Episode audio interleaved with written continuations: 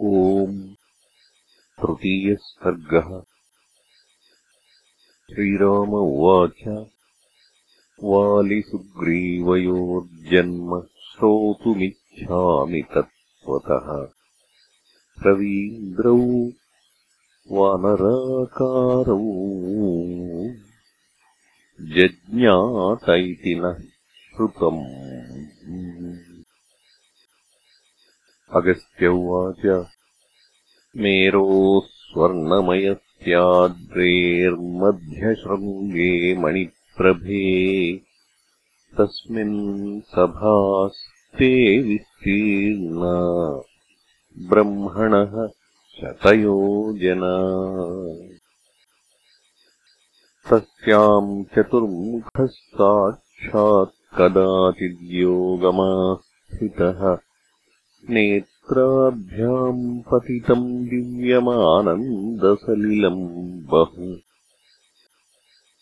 तद्गृहीत्वा करे ब्रह्मा ध्यात्वा किञ्चित्तदत्यजतु। भूमौ पतितमात्रेण तस्माज्जातो महाकपिः। समाह द्रुहिणो वत्स किञ्चित्कालम् वसात्र मे। समीपे सर्वसौभाढ्ये ततः श्रेयो भविष्यति। इत्युक्तोऽन्यवसत्तत्र ब्रह्मणा वानरोत्तमः एवम् बहुतिथे काले गते वृक्षाधिपः सुधीः कदाचित्पर्यटन्नद्रौ फलमूलार्थमुद्यतः अपश्यद्दिव्यसलिलाम् वापीम् मणिशिलान्विताम्।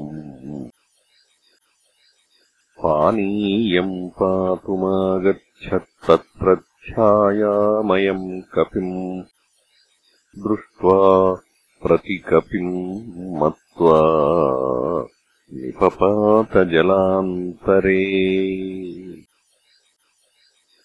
तत्रादृष्ट्वा हरिम् शीघ्रम् पुनरुत्प्लुत्यवानरः अपश्यत्सुन्दरीम् रामामात्मानम् विस्मयम् गतः। ततः सुरेशो देवेशम् पूजयित्वा चतुर्मुखम्। गच्छन्मध्याह्नसमये दृष्ट्वा नारीम् मनोरमाम्। कन्दर्पशरविद्धाङ्गत्यक्तवान् वीर्यमुत्तमम्। तामप्राप्यैव तद्बीजम् वालदेशेऽपतद्भुवि वाली समभवत्तत्र शक्रतुल्यपराक्रमः तस्य दत्त्वा सुरेशानः स्वर्णमालाम् दिवम् गतः। भानुरप्यागतस्तत्र तदानीमेव भामिनीम्। दृष्ट्वा कामवशो भूत्वा ग्रीवादेशे सृजन्महत् बीजम् तस्यास्ततः सद्यो महाकायो भवद्धरिः। तस्य दत्त्वा हनूमन्तम् सहायार्थम् गतो रविः। पुत्रद्वयम् समादाय गत्वा सा निद्रिता क्वचित् प्रभाते पश्यदात्मानम् पूर्ववद्वानराकृतिम् फलमूलादिभिः सार्धम् पुत्राभ्याम् सहितः कपिः नत्वा चतुर्मुखस्याग्रे वृक्षराजः स्थितः सुधीः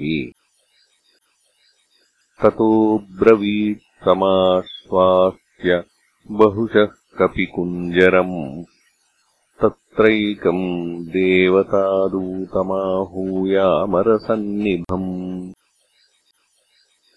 गच्छ दूतमयादिष्टो गृहीत्वा वा नरोत्तमम्। किष्किन्धाम् दिव्यनगरीम् निर्मिताम् विश्वकर्मणा। सर्वसौभाग्यवलिताम् देवैरपि दुरासदाम् तस्याम् सिंहासने वीरम् राजानमभिषेचय। सप्तद्वीपगता ये ये वानराः सन्ति दुर्जयाः। सर्वे ते वृक्षराजस्य भविष्यन्ति वशेनुगाः यदा नारायणः साक्षाद्रामो सनातनः।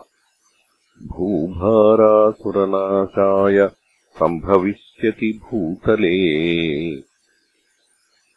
तदा सर्वे सहायार्थे तस्य गच्छन्तु वानराः इत्युक्तो ब्रह्मणा दूतो देवानाम् स महामतिः यथा ज्ञप्तस्तथा चक्रे ब्रह्मणा तम् हरीश्वरम्। देवदूतस्ततो गत्वा ब्रह्मणेतन्यवेदयत् तदादिवानराणाम् सा किष्किन्धाभून्नृपाश्रयः सर्वेश्वरस्त्वमेवासीरिदानीम् ब्रह्मणार्थितः भूमेर्भारो हृतः कृत्स्नस्त्वया लीला नृदेहिना। सर्वभूतान्तरस्थस्य नित्यमुक्तचिदात्मनः।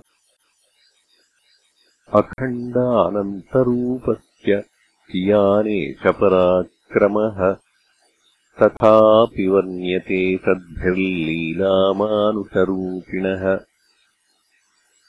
यशस्ते सर्वलोकानाम् पापहत्यै सुखाय च। य इदम् कीर्तयेन्मत्यो वालिसुग्रीवयोर्महत्। जन्मत्वदाश्रयत्वात् स मुच्यते सर्वपातकैः। अथान्याम् सम्प्रवक्ष्यामि। कथाम् रामत्वदाश्रयाम् सीताहृता यदर्थम् सा रावणेन दुरात्मना। पुराकृतयुगे राम प्रजापतिसुतम् विभुम् सनत्कुमारमेकान्ते समासीनम् दशाननः। विनयावनतो भूत्वा ह्यभिवाद्येदमब्रवीत् कोऽन्वस्मिन् प्रवरो लोके देवानाम् बलवत्तरः देवाश्च यम् समाश्रित्य युद्धे शत्रुम् जयन्ति हि। कम् यजन्ति द्विजानित्यङ्कम् ध्यायन्ति च योगिनः। एतन्मेषम् स भगवन् प्रश्नम् प्रश्नविदाम् वर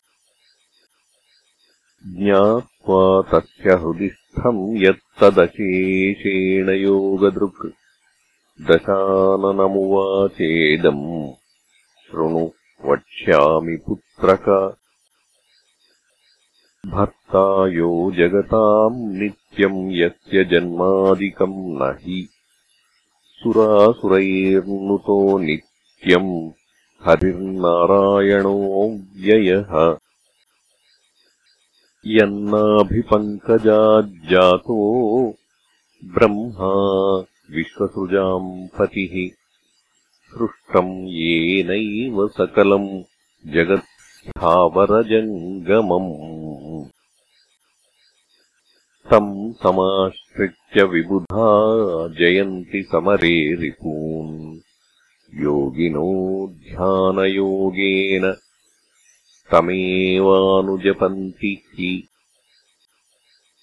महर्षेर्वचनम् श्रुत्वा प्रत्युवाच दशाननः दैत्यदानवरक्षांसि विष्णुना निहतानि च काम् वागतिम् प्रपद्यन्ते प्रेत्यते मुनिपुङ्गव। तमुवाच मुनिश्रेष्ठो रावणम् राक्षसाधिपम्। दैवतैर्निहता नित्यम् गत्वा स्वर्गमनुत्तमम्। भोगक्षये पुनस्तस्माद्भ्रष्टा भूमौ भवन्ति ते। पूर्वाद्वितैः पुण्यपापैर्म्रियन्ते चोद्भवन्ति च विष्णुना ये हतास्ते तु प्राप्नुवन्ति हरेर्गतिम्। श्रुत्वा मुनिमुखात् सर्वम् रावणो हृष्टमानसः योत्स्येऽहम् हरिणा सार्धमिति चिन्तापरोऽभवत् मनःस्थितम् परिज्ञाय रावणस्य महामुनिः उवाच वत्सतेऽभीष्टम् भविष्यति न संशयः।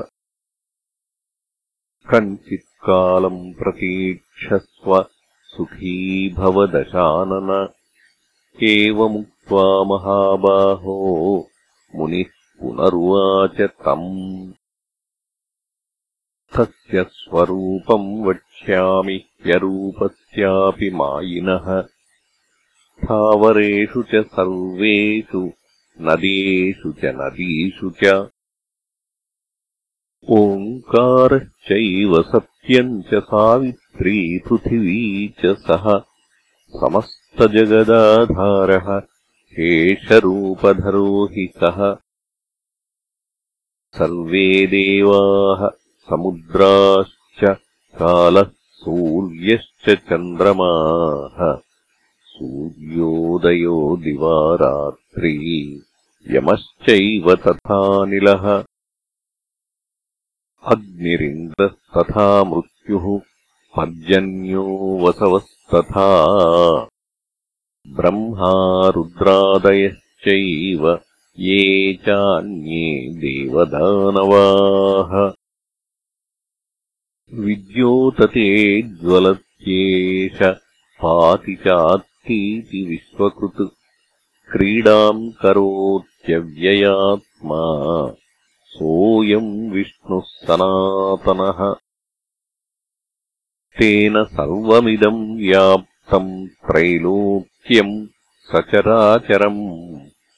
नीलोत्पलदलश्यामो विद्युद्वर्णाम्बरावृतः शुद्धजाम्बूनदप्रख्याम् श्रियम् वामाङ्कसंस्थिताम् सदानपायिनीम् देवीम् पश्यन्नालिङ्ग्यतिष्ठति। द्रष्टुम् न शक्यते कैश्चिद्देवदानवपन्नगैः। यस्य प्रसादम् कुरुते स चैनम् द्रष्टुमर्हति न च यज्ञतपोभिर्वा न दानाध्ययनादिभिः शक्यते भगवान् द्रष्टुमुपायैरितरैरपि तद्भक्तैस्तद्गतप्राणैस्तच्चित्तैर्भूतकल्मषैः शक्यते भगवान् विष्णुर्वेदान्तामलदृष्टिभिः अथवा द्रष्टुमिच्छाते शृणु त्वम् परमेश्वरम्। त्रेतायुगे स देवेशो भविता नृपविग्रहः। हितार्थम् देवमर्त्यानामिक्ष्वाकूणाम् कुले हरिः। रामो दाशरथिर्भूत्वा महासत्त्वपराक्रमः पितुर्नियोगात् स भ्रात्रा भार्यया दण्डकेवने विचरिष्यति धर्मात्मा जगन्मात्रा स्वमायया। एवम् ते सर्वमाख्यातम् मया रावण विस्तरात् भजस्वभक्तिभावेन सदा रामम् श्रियायुतम् अगस्त्य उवाच एवम् श्रुत्वासुराध्यक्षो ध्यात्वा किञ्चिद्विचार्य च त्वया सह विरोधेत्सुर्मुमुदे रावणो महान्। युद्धार्थी सर्वतो लोकान् पर्यटन् समवस्थितः। एतदर्थम् महाराज रावणोऽतीव बुद्धिमान् हृतवान् जानकीम् देवीम् त्वयात्मवधकाङ्क्षया। इमाम् कथाम् यः शृणुयात् पठेद्वा संश्रावयेद्वा श्रवणार्थिनाम् सदा। आयुष्यमारोग्यमनन्तसौख्यम् प्राप्नोति लाभम् धनमक्षयम् च।